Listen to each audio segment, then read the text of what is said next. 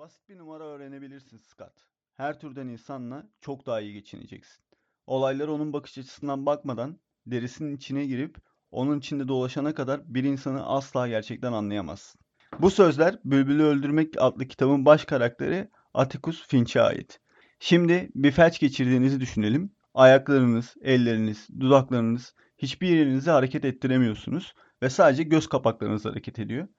Sizce zihniniz sizi bu durumdan kurtarabilir mi? 1919 yılında Milton Erickson adında bir çocuğa çocuk felci tanısı kondu. Çocuk sabah kalktığında vücudunun birçok kısmını hareket ettiremediğini fark etti.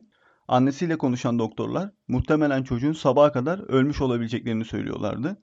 Bu konuşmadan birkaç saat sonra çocuk 3 gün sürecek bir komaya girdi ve uyandığında vücudun hiçbir noktasını hareket ettiremiyordu.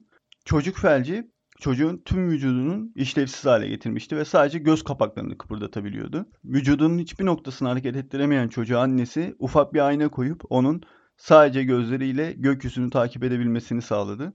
Felçli bir insan olduğunuzu düşünürseniz bütün gün yapabileceğiniz hiçbir şey yok. Sadece durup etrafınızda olan olayları gözlemleyebilirsiniz.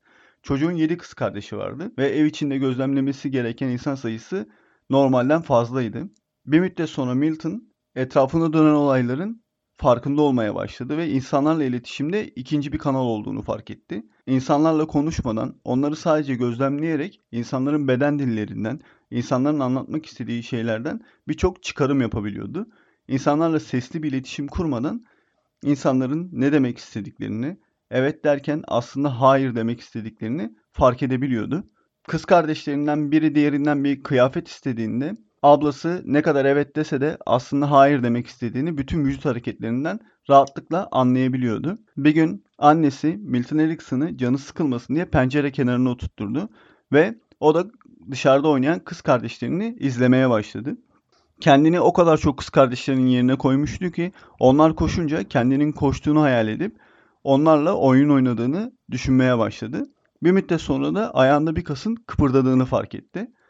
Bu farkı anladıktan sonra da defalarca zihninde yürüdüğünü, koştuğunu hayal ederek bir müddet sonra da koltuk değnekleriyle yürüyebilecek pozisyona geldi ve kendini geliştirdi. Artık koltuk değnekleriyle yürüyebiliyordu. Çocuk felcinin bıraktığı felçten yavaş yavaş kurtulmaya başlamıştı.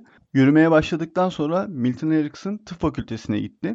Oradan profesör ünvanı alarak psikoterapinin ve hipnozun babası sayılabilecek bir konuma geldi.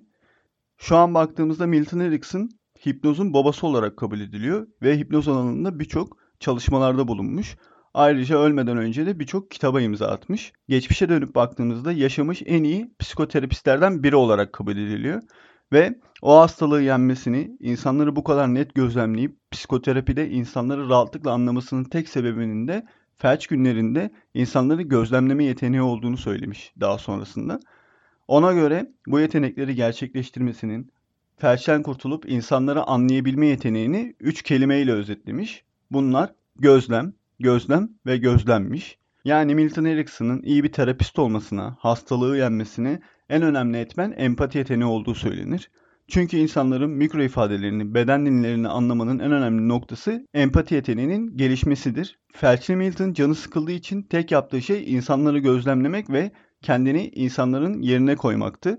Empati yeteneği onun felçten kurtulmasına öncelik ederek hayatını değiştirecek bir aktivite haline getirip başarılı bir terapist olmasını sağladı. Peki bu kadar güçlü yeteneği biz nasıl geliştirebiliriz? İlk kriterimiz Milton Erickson'ın söylediği aslında üç kelime. Gözlem, gözlem ve gözlem. İlk önce kendimizi gözlemleyeceğiz. Olaylar karşısında verdiğimiz tepkileri, beden dillerini, mikro ifadelerinin neler olduğuna dikkat edeceğiz.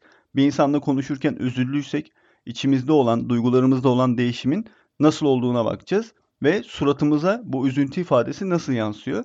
Eğer bunları yapabilirsek empati yeteneğimiz gelişmeye başlar. İkinci olarak da empati yeteneğini geliştirmek başka insanları gözlemlemekten geçer. Başka insanlar hangi ruh hallerinde, olayları yaşadıklarında hangi tepkiler veriyor? Eğer bunlara dikkat ederseniz insanların duygusal durumlarını, içinde bulundukları durumları ve olaylar karşısında verdikleri beden dili ve mikro ifadeleri rahatlıkla okuyabilirsiniz. Peki size şöyle bir şeyden bahsetsem, empati yeteneğinizi insanları gözlemlemeden de geliştirebilirsiniz. Yani bunun için aslında bir makine yapmışlar desem ne düşünürsünüz? Veya bu makine sizin bir inekle empati kurmanızı ve bir ineği anlamanızı sağlayabilir mi? Stanford Üniversitesi'ndeki psikologlar bir mezba simülasyonu yaratıyorlar ve insanlara VR gözlükler takarak da inek gibi davranmalarını istiyorlar. Bir çukura iniyorsunuz, başınızı eğiyorsunuz, biraz su içiyormuş gibi yapıyorsunuz. Bir saman yığınına doğru yürüyorsunuz. Başınızı eğip saman yiyormuş gibi yapıyorsunuz. Bir noktadan diğerine giderken de aslında ineklere o çobanların yaptığı dürtüleri, o çomakla vurma dürtüsünü birileri de sizin göğsünüze hafifçe vurarak bu dürtüyü tetikliyor. Sizce bu deneyden sonra bir VR gözlük sizin empati yeteneğinizi geliştirip inekleri anlamanızı sağlayabilir mi? Bu deneyden sonra deneklerden biri şu kelimeleri söylüyor. Gerçekten mezbaya gidiyormuş gibi hissettim ve bir inek olarak ölmekten dolayı üzüldüğümü hatırlıyorum diye yorumluyor. İnsanların da bu deneyden sonra %80'inin et tüketme alışkanlığından vazgeçtiği görülüyor. Sizce ileride böyle bir makine yapıp her insanın her insanı anlayabilmesi sağlanılabilir mi? Mesela bir savaştan ölen insanın ne hissettiğini veya açlıktan, susuzluktan ölen insanların ne hissettiklerini anlayabilebileceğimiz bir makine mümkün mü? Eğer böyle bir şey mümkünse insanların birbirine olan zulmü veya insanların birbirini anlayamama yetenekleri ortadan tamamen kalkar mı? Savaşlar son bulur mu? Veya atalarımızın söylediği gibi komşusu açken tok yatan bizden değildir lafının ne anlama geldiğini gerçekten anlamamızı sağlayabilir mi bu makine? Bence böyle bir makinenin var olması belki de insanlığın birbirini anlaması ve birçok şeyin gelişmesi için mükemmel olacaktır. Ama bence bir hayalden ibaret bu düşündüklerimiz, bu konuştuklarımız. Bir iğneyi bile anlamamızı sağlayan empati peki bizim hayatımızda neleri değiştirir? Empati yeteneğiniz gelişirse beden dili ve mikro ifadeleri rahatlıkla anlayabilirsiniz. Bir insan sizle konuşurken aslında ne söylemek istediğini, size anlattıklarının dışında o duygu durumlarında neler olduğunu ve bir insanı rahatlıkla anlayabildiğinizde insanların sizden ne kadar çok etkilenebileceklerini rahatlıkla anlayabilirsiniz. Dediğim gibi empati yeteneğinizi geliştirmenizin en önemli noktası gözlem, gözlem ve gözlemdir. Peki bir duygu bu kadar kusursuz mudur? Yani empatinin hiç kötü tarafı yok mudur? Empatisi çok gelişmiş insanlarda genelde empatiden dolayı zihinsel yorgunluk meydana gelir.